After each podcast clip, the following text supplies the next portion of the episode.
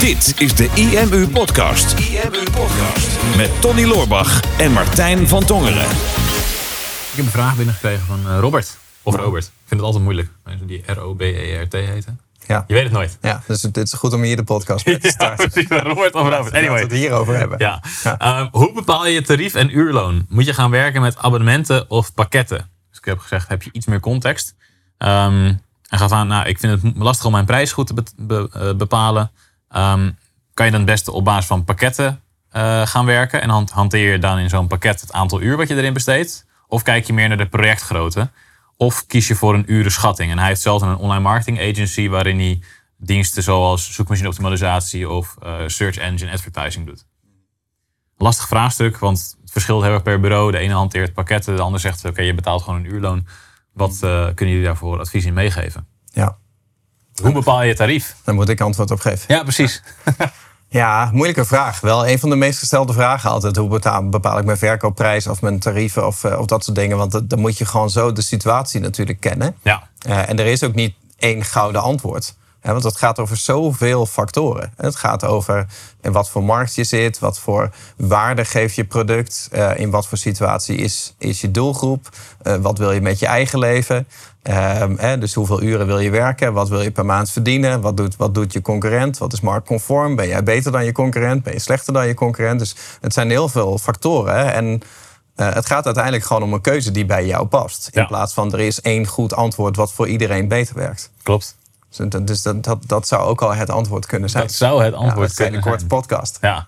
Ik denk dat er een, die factoren zijn allemaal belangrijk. En sowieso is het goed om op gewoon een bepaald prijsniveau te gaan beginnen. Die op dat moment kloppend voelt. Waar je je Ja. goed achter voelt staan. Hè. Sommige mensen die, die of mensen, coaches, die willen prediken. Je moet altijd hele hoge prijzen vragen. Want dan krijg je de leukste klanten. Mhm. Alleen, ik weet van ja, die prijs moet je wel verdienen. Dus hè, als jij net begint en je start je agency voor het eerste jaar. Ja, ga eerst maar laten zien dat jij bedrijven inderdaad hoger kan laten scoren in Google. En dat je goede resultaten voor ze kan behalen met advertenties. Ja. Dus begin gewoon met een schappelijke prijs die misschien wel onder de gemiddelde prijs van een agency ligt. Zodat mensen denken, oh, deze jongen is goedkoop, laten we het met hem gaan proberen. Ja. En als je dan merkt van, hé, hey, ik krijg steeds meer klanten. En op een gegeven moment zit je klantportfolio vol.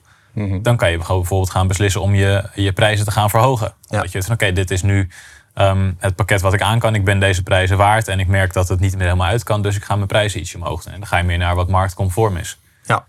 dat is een, eh, een, een stap die je kan zetten natuurlijk. Ehm, ik weet dat, dat Yuri van Traffic Leaders, waar we mee samenwerken, die heeft ook een aantal stappen gemaakt. Die is ooit begonnen als freelancer en vroeg toen volgens mij, ja, ik veel, 35 euro per uur in het begin. En uiteindelijk is hij geëindigd op een uurtarief van boven de 100 euro, omdat hij zoveel mensen had die met hem wilden werken en hij gewoon altijd vol zat. Op een gegeven moment, ja, ik, mijn tijd wordt steeds waardevoller, dus gaat, eh, gaat mijn uurtarief omhoog. Ja. Ehm, nu met Traffic Leaders begon hij ook met pakketten die op basis van uren verdeeld waren. Alleen toen had hij het dilemma, ja, soms dan hebben we vier uur per maand nodig om deze persoon zijn ass te runnen. Maar de andere maand, als die persoon wat, een- bijvoorbeeld een marketingactie doet of wat dan ook, ja, dan heb je misschien wel tien uur nodig om die persoon zijn ass te runnen. Soms wel 20 of 30 uur. Ja. Dus ja, ga je dan inderdaad een gemiddelde kiezen? Want op het moment dat ik meer uren en mensen dus nodig heb voor deze klant, dan kan ik ze niet voor deze klant inzetten. En dat is dan altijd, altijd lastig, want je wil ook niet elk, elk uur laten schrijven en laten klokken, want dan ga je een enorme organisatie ervan maken. Ehm, maar toch zie je wel dat veel bedrijven op die manier werken. Toen is hij op een gegeven moment is hij gaan werken met, met pakketten, gewoon per maand. Van, nou, en daar zat een urenschatting in. Van oké, we zijn gemiddeld zoveel uur bezig bij een klant van dit formaat. Hè, dus die zoveel advertentiebudget heeft, die eh, zoveel eh, eh, leads en klanten daaruit zou moeten krijgen. Dus dat is het budget. En als we daar de ene maand onder zitten, is dat prima. Als we de ene ma- andere maand erboven zitten, is dat ook prima. Als het maar een beetje in de buurt zit, en mocht het heel buitensporig zijn, dan gaan we misschien iets aanpassen. En hij in, intern ehm, bekeek hij het wel met het aantal uren. Alleen naar de klant toe had hij het niet over het aantal uren. Gewoon om het makkelijker te maken in de communicatie naar de klant toe ook. En nu, kort geleden, zijn ze weer geswitcht ehm, om het nog eenvoudiger te maken en makkelijker mee te kunnen schalen. Want er kwam erachter, ja, de klanten die ehm, meer omzet hebben, eh, de klanten die meer eh, advertentiebudget uitgeven, daar gaat ook vaak de meeste tijd naartoe. Want als iemand een, eh, ja, een paar duizend euro per dag uitgeeft over verschillende doelgroepen, dan moet je daar veel meer aan zitten en veel meer knopjes draaien dan iemand die een paar tientjes per dag uitgeeft. Of, maar dat soort klanten draaien we volgens mij niet, maar in ieder geval de lagere budgetten. Ehm, dus hij is nu naar, naar Staffels gegaan van oké, als je zoveel per dag uitgeeft, dan is dit het pakket waarmee je werkt. Geef jij zoveel advertentiebudget per dag uit, dan ga je naar de hogere staffel, et cetera. Dus dat zijn allerlei verschillende soorten pakketten die je kan, ehm, kan hanteren natuurlijk. En ik denk dat dat ook iets is waar je moet groeien. Want ja, Traffic Leaders bestaat nu twee, tweeënhalf jaar of zo volgens mij. En daar zijn dus al een aantal wijzigingen geweest in prijsstrategie. Ja, dus dat is gewoon het voortschrijdend inzicht. Ja. Ik ben persoonlijk ben ik niet zo'n fan van, van je uren rekenen. Dat, dat, dat is meer een persoonlijk iets. Mij staat het heel erg tegen dat ik mezelf een uurloon zou toedichten. Ook als ik heel ander werk zou hebben. Omdat je toch eigenlijk direct weet van ik verkoop mijn uren. Ja. En ook als je een heel hoog uurloon hebt, dan nog steeds verkoop je jouw uren. Um, en ik snap heel erg dat als je bijvoorbeeld een freelancer bent. En je weet van, nou, er is zoveel vraag.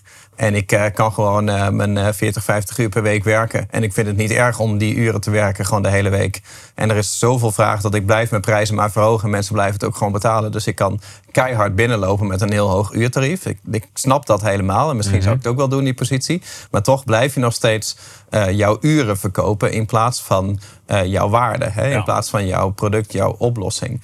En waar ik toch meer fan van ben, is dat je meer gaat kijken naar ja, welk, welke dienst lever ik en wat, wat is die dienst waard. En dan kijk je enerzijds naar wat het iemand oplevert en, en wat, wat het jou kost om die dienst te leveren.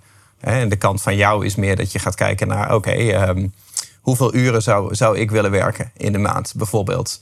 Uh, en wat, wat voor werk zou ik willen doen? Dat, dat is eigenlijk al een beetje de eerste beslissing.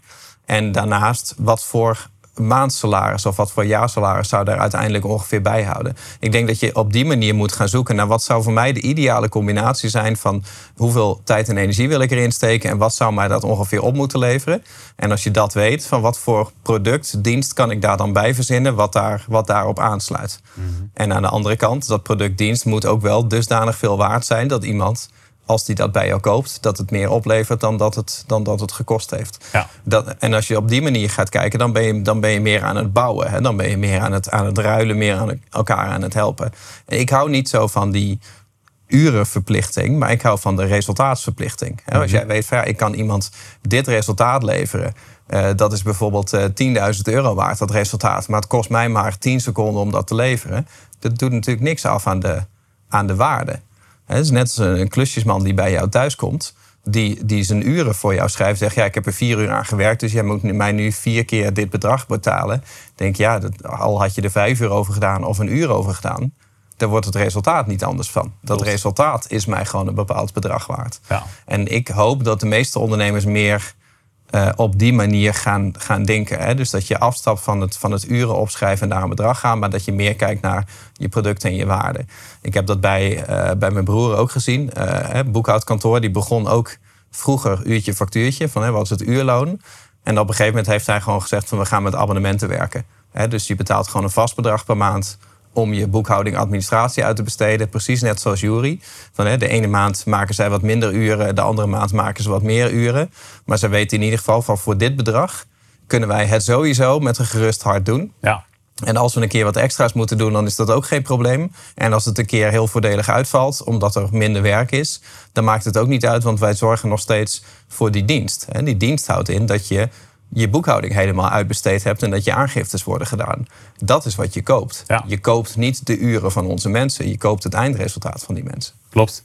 En als je natuurlijk, en dat, dat doet zowel Jury als Gerrit volgens mij, als je op een gegeven moment op lange termijn merkt van oké, er zijn nu elke maand um, kost het ons bijna meer dan dat het ons oplevert, omdat er wel te veel uren gemaakt moeten worden, dan wordt, een, uh, wordt het tarief gewoon verhoogd. Dan wordt het pakket, de abonnementsprijs wordt verhoogd. Klopt. En, en jij mag prima als ondernemer. Stel dat je bijvoorbeeld zegt van nou, uh, ik, uh, ik doe uh, Google advertenties voor, voor mensen. En ehm, ik weet dat als ik daar dit bedrag per maand opzet, dat dat, dat het mij waard is. Hè? Dus mhm. bijvoorbeeld, ik reken 500 euro per maand aan iemand om zijn uh, Facebook uh, of zijn Google advertenties te draaien. Mhm. En ik weet dat ik daar ongeveer uh, 6 à 7 uur per maand dan mee bezig ben om dat te draaien. Ja. Ik noem maar even iets. Mhm. Dat je denkt, nou, dat is mij de investering wel waard. Dan ben jij er vervolgens alles aan gelegen om te kijken van ja, zou ik dat ook in vijf uur kunnen doen? dus als ik er beter in zou worden, zou ik het dan bijvoorbeeld met minder tijd kunnen. Boekhouding net zo. Als je zegt van ja, voor, voor 200 euro per maand doe ik je boekhouding. En daar ben ik ongeveer vier uur mee bezig. Maar op het moment dat jij ineens gaat leren hoe je veel meer kan automatiseren. Uh, en je haalt alle handwerk eruit. En je bent er nog maar een uur in de maand mee bezig, betekent niet dat je die andere drie uur dan niet meer mee hoeft te nemen in je prijs. Want het resultaat is hetzelfde gebleven. En, en dat, dat wordt uiteindelijk het nuttige als het gaat over tarieven bepalen. Um, is dat je niet zozeer alleen maar kijkt naar hoe kan ik iemand nog meer laten betalen, maar hoe kan ik het zelf nog veel efficiënter gaan doen voor, dat, voor datzelfde bedrag. Ja, ik maakte er vroeger altijd een spelletje van voor mezelf. Ik heb eh, toen ik van 13 tot 17 of zo heb ik, heb ik de krantenwijken gehad en folderwijkjes en zo. Mm. En ik wilde gewoon niet in de supermarkt werken. Dat leek me gewoon helemaal niks. Mm Dozen schuiven en zo. Ik heb het één keer geprobeerd omdat ik, uh, mijn moeder vond dat ik voor een baas moest werken. Dus toen heb ik uh, goed om die ervaring op te doen. En dus toen heb ik gesolliciteerd. Ja, waarom wil je bij ons werken? Was bij de Albert Heijn. Ja, omdat ik geld moet verdienen. Maar dat werd niet aangenomen. Niet eens gebeld. Nee, raar. Het was niet een goede motivatie. Maar goed, uh, kranten en folders gelopen. En ik wilde altijd kijken naar hoe kan ik dit zo optimaal mogelijk doen. dus ik wil zoveel mogelijk stapels tegelijkertijd meenemen, zodat ik zo min mogelijk terug hoef te lopen naar de fiets. En ik probeer bijna half rennen. Die mensen moeten hebben soms die wijken gaan dat ding die, die wijk te doen. Ik heb hier een heel goed beeld van hoe dit, hoe dit eruit gezien moet hebben. Zodat ik een, een hoger uurloon had. Dus ik had iets. Als ik die wijken kreeg, dan weet ik veel 7 euro voor of zo per week. Als die wijk dan binnen het uur kon lopen, nou, dan had ik een uurtarief van hoger dan 7 euro. Iemand van mijn leeftijd was dat super hoog. Mhm. En elke week probeerde ik een nieuwe route of te kijken van hoe kan ik ervoor zorgen dat ik er nog minder tijd over doe. Mhm. Zodat mijn uurloon hoger is. Terwijl ik, ik maakte niet daarna nog twee of drie keer zoveel omzet. Want ja, die wijk, dat kreeg je gewoon per week kreeg je er één bedrag voor. Maar dat, nou, laat me in ieder geval zorgen dat ik dat geld in zo min mogelijk tijd ga verdienen. Mhm. Ik denk, en dat is wel leuk hoe je daar een spelletje van kan maken, ook voor jezelf, om daar het optimale rendement uit te halen. Ja, klopt. Ja, ja zeker. zeker. En, en misschien dat dit wel een beetje kneuterig klinkt van hè, kleiner maken, efficiënter maken. En uh, je moet er gewoon groot denken en je moet uh, hoge prijzen durven vragen. En um, en je moet toch als freelancer, weet je toch dat je veel meer waard bent dan iemand in loondienst bijvoorbeeld. Denk ja, en dat, dat, dat zal allemaal wel. En daar zit ook wel ergens een kern van waarheid in. Um, alleen, ik denk als ik bijvoorbeeld hier naar IMU kijk, wij hebben dat ook niet, hè, dat, we, dat we uren rekenen. In, in, in het hele kantoor, iedereen die hier werkt, we hebben geen uren, we hebben geen vakantiedagen. Uh, we hebben ook niet van, je, moet, je moet precies vijf dagen 40 uur maken. En als je dan een uur te veel werkt, dan kan je dat opschrijven. als je een uur te weinig werkt, dan, dan moet je dat later inhalen of wat dan ook. Als mensen hier vakantie nemen, wij noteren dat ook niet, hoeveel vakantie iemand neemt. Als iemand ochtends zegt van, uh, het is mooi weer, ik neem vandaag vrij. Dat er is, daar is geen administratie of feedback van. Uh, en ik vind dat zo'n fijne manier van werken. Dat we gewoon allemaal van elkaar weten van oké, iedereen heeft een bepaalde verantwoordelijkheid. We kijken eens in de zoveel tijd per persoon van wat doe jij precies uh, in het bedrijf? Wat voeg je aan waarde toe? Uh, en hoe lang, hoe lang doe je dat al? En wat voor progressie en wat voor beloning kunnen wij daarop zetten in wat jij toevoegt?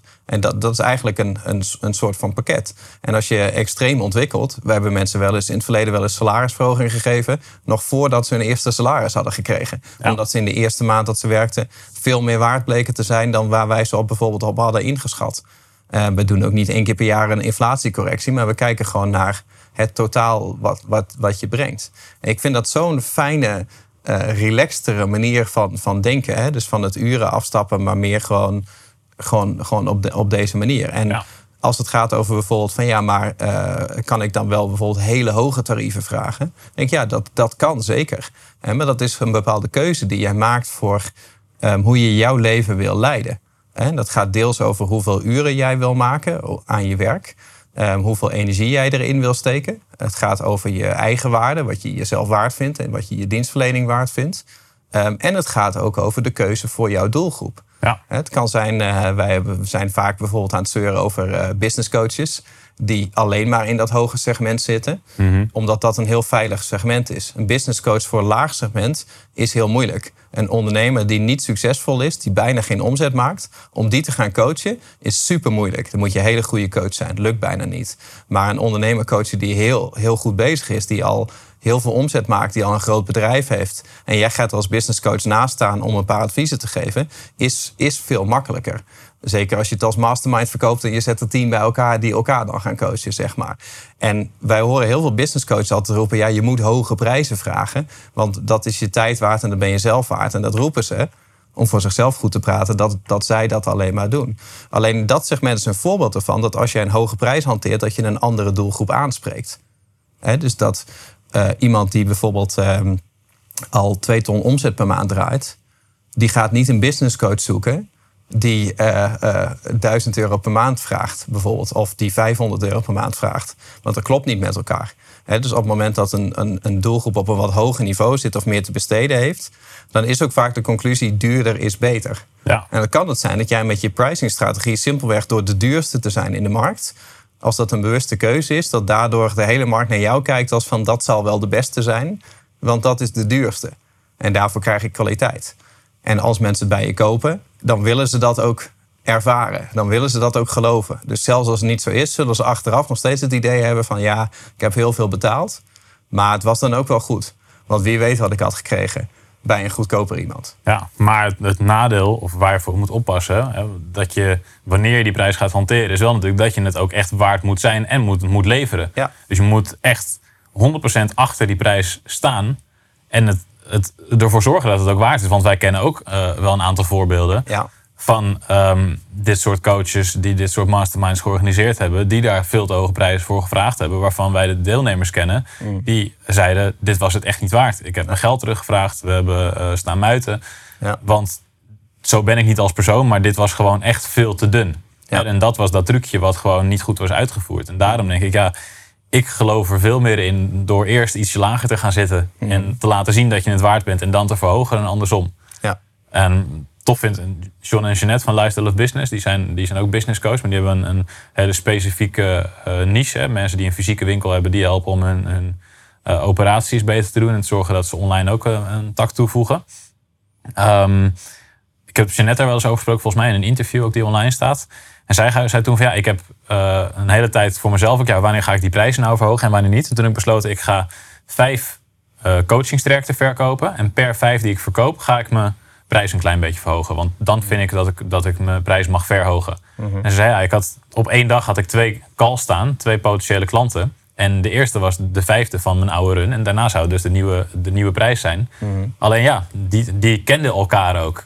Maar goed, ja, ik heb gewoon open kaart gespeeld. Ik zei, ja, nou, dit is mijn, hoe ik met mijn prijzen werk. En nu is uh, de coaching is zojuist, ik weet niet meer, ik zeg wat, duizend euro duurder geworden. Mhm. Dus ja, wil je, wil je daarvoor instappen of niet? Nou, die zijn alsnog allebei klant geworden toen. En dat was haar manier van prijzen verhogen. Ja. Ja, dus dat kan ook. Dat kan ook. Dus er zijn heel veel manieren om het te doen. Ik denk het belangrijk dat, dat het goed voelt voor jezelf. Mm. En dat je je realiseert ja, wat, wat jouw eigen toegevoegde waarde is. En of je inderdaad die tijd daarin wil steken. wij hebben allebei best wel een hoge sprekersfee op mm-hmm. onze website staan. Mm-hmm. Omdat wij weten wat het ons ook kost als wij uh, die tijd niet in die IMU steken. Mm-hmm. En dan zeggen mensen, oh je bent wel een hele dure spreker. Want ik heb die fee laatst verhoogd naar 4000 euro volgens mij. Maar ik denk, ja, ik wil ook liever zo min mogelijk ingehuurd worden als spreker. En als het dan ingehuurd wordt, dan moet het er wel in ieder geval een significant bedrag tegenover staan. Want dat betekent dat ik het moet voorbereiden. Dat betekent dat ik er naartoe moet reizen. Dat ik die sessie moet geven. Ja, dat, dat minstens een halve dag, waarschijnlijk wel een volledige dag die je daarin kwijt bent. Die je dus niet in het geheel kan steken qua energie. En dat kost dus heel erg veel. Dus dan moet in ieder geval iets tegenover staan waarvan je denkt, van, nou, dat, daarmee kan ik het een soort van rechtvaardigen. Terwijl eigenlijk zelfs dat bedrag klopt ook niet als je naar het totale nee, plaatje kijkt. Nee, maar dat, dat is dus het lastige als je alles in uren gaat rekenen. Hè? Want niet elk uur is accountable. Want wij vragen dan bijvoorbeeld 4000 euro voor een, voor een uurtje spreken. Ja, dat, dat, dat slaat misschien wel nergens op. Maar eh, voorbereidingstijd, we moeten er naartoe, naartoe reizen. Ehm, reken ook hoeveel energie je op een dag hebt. Dat als je ergens naartoe moet reizen in de ochtend, je moet een sessie geven en je moet weer terug, dat je niet daarna meteen weer aan het werk bent. Hè? Dus er zit, er zit een heleboel, ehm, eh, hoe zeg je dat, overhead omheen. En dat, dat is dus altijd zo lastig. Als je zegt van ja, ik reken alleen mijn uren. Um, dat je alleen maar die hele productieve uren kan rekenen. En dat je moet gaan oplossen hoe je dat er dan allemaal omheen doet. Dan leg je een bepaald soort van, van druk op jezelf.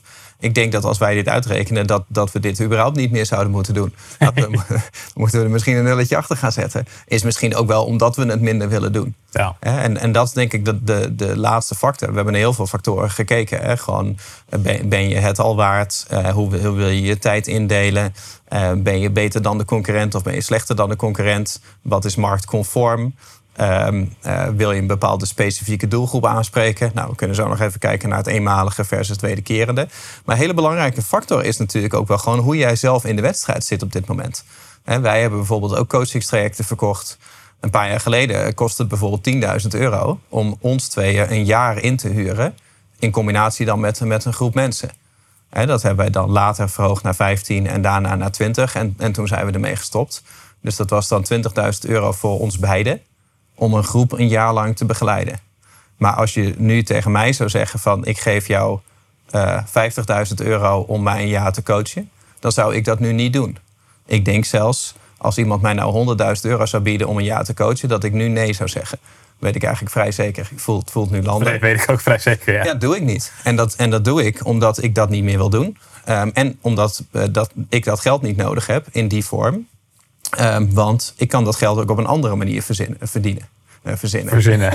ik kan het wel verzinnen. Nee, maar ook, ook verdienen. En ik bedoel het helemaal niet arrogant of zo. Hè. Het gaat gewoon even om wat, wat, wat wil jij? Ehm, en als je altijd alleen maar bezig bent met, met hoge prijzen en met, met, met, met, met rammen en met geld verdienen, dan vergeet je nog wel eens na te denken over dat geld wat ik verdien. Dat had ik misschien ook op een andere manier kunnen verdienen. eh, met, met een ander soort energie, hè, met een ander soort uren. Hè, en ik weet dat het makkelijk praten is als je op een gegeven moment niet meer onder financiële druk staat. Hè, of als je eh, kan, kan kiezen in de opdrachten. Of als je in principe jaren niks zou kunnen doen. Het is moeilijker als je denkt van ja, ik moet eh, minimaal 4000 euro per maand verdienen. En ik heb nu een manier gevonden waarmee ik mezelf helemaal het schompers werk. Iets wat ik niet zo heel leuk vind, waar ik elke maand weer precies net aan die 4000 euro mee verdien. En dan heb ik al geen tijd om na te denken en dan moet de volgende maand moet weer gaan beginnen. En dan heb je heel vaak niet de tegenwoordigheid van geest om even na te denken van, maar stel nou dat ik die eh 80 uur per week die ik nu maak, dat ik die niet zou maken voor dat bedrag. Maar ik zou die uren anders gaan besteden om heel iets anders te gaan doen. Om iets op te bouwen. Zoals wij bijvoorbeeld ooit die keuze hebben gemaakt voor abonnementen. Hè, wat in het begin dan heel erg tegenviel. Maar we zijn er nu zes jaar mee bezig. En nu, nu zijn de omzetten er, zeg maar. En nu heeft het niks meer met onze uren te maken. Hè. Nu zijn de inkomsten van klanten die jaren geleden al klant zijn geworden. Ik denk, dat, dat is het moeilijkste wat er is als je onder druk staat om die keuze te gaan maken. Van ik moet iets gaan doen wat, wat mij lucht geeft, wat mij ruimte geeft, wat, wat, ik, wat ik leuk vind. En dat mag me op korte termijn eigenlijk wel wat minder opleveren.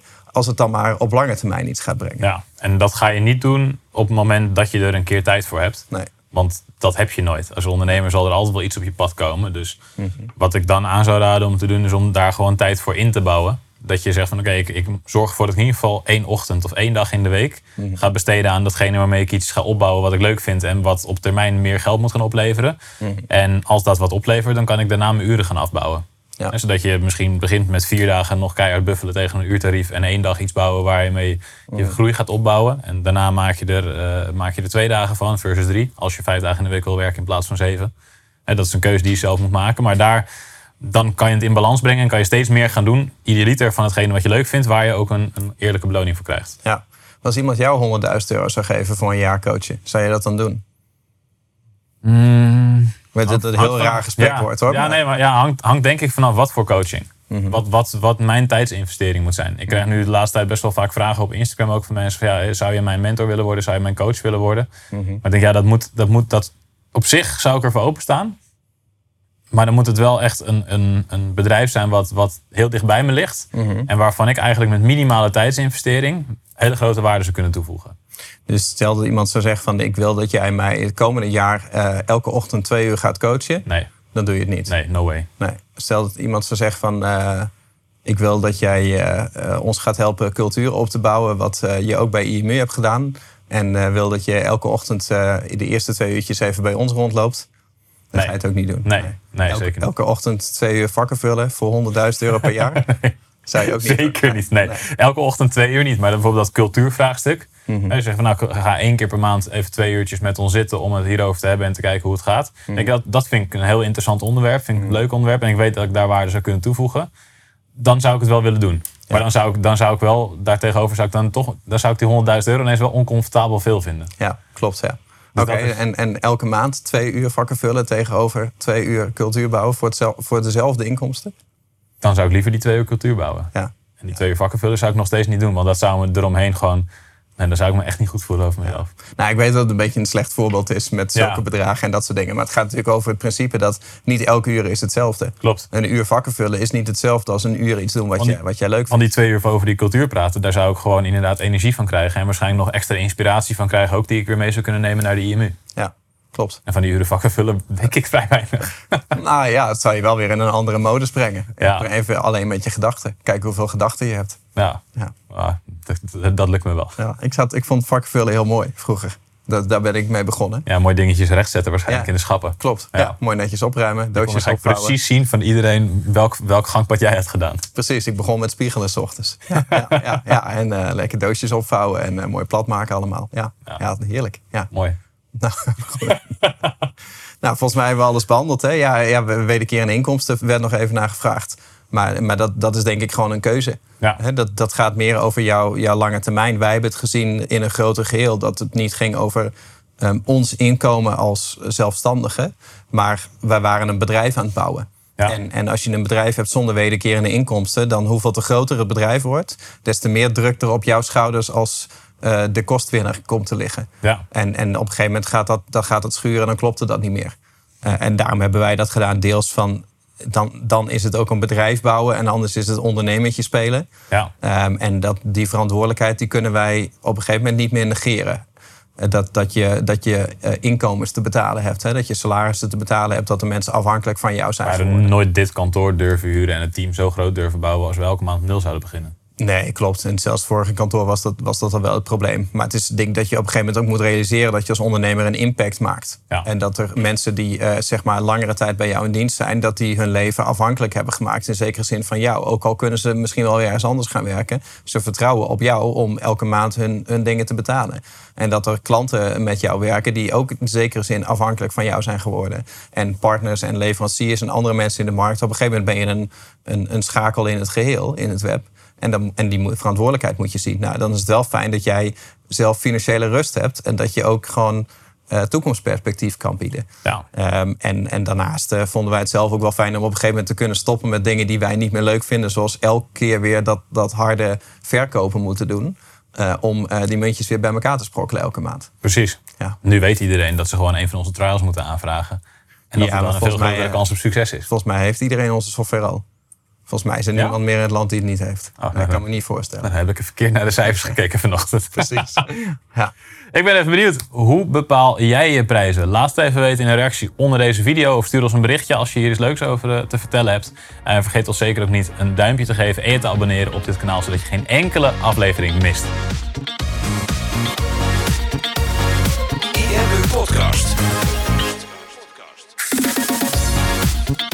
Super tof dat je hebt geluisterd naar de IMU podcast. Ik hoop dat je dit waardevol vond en dat je er inzichten uit hebt kunnen halen voor jezelf en voor je eigen business.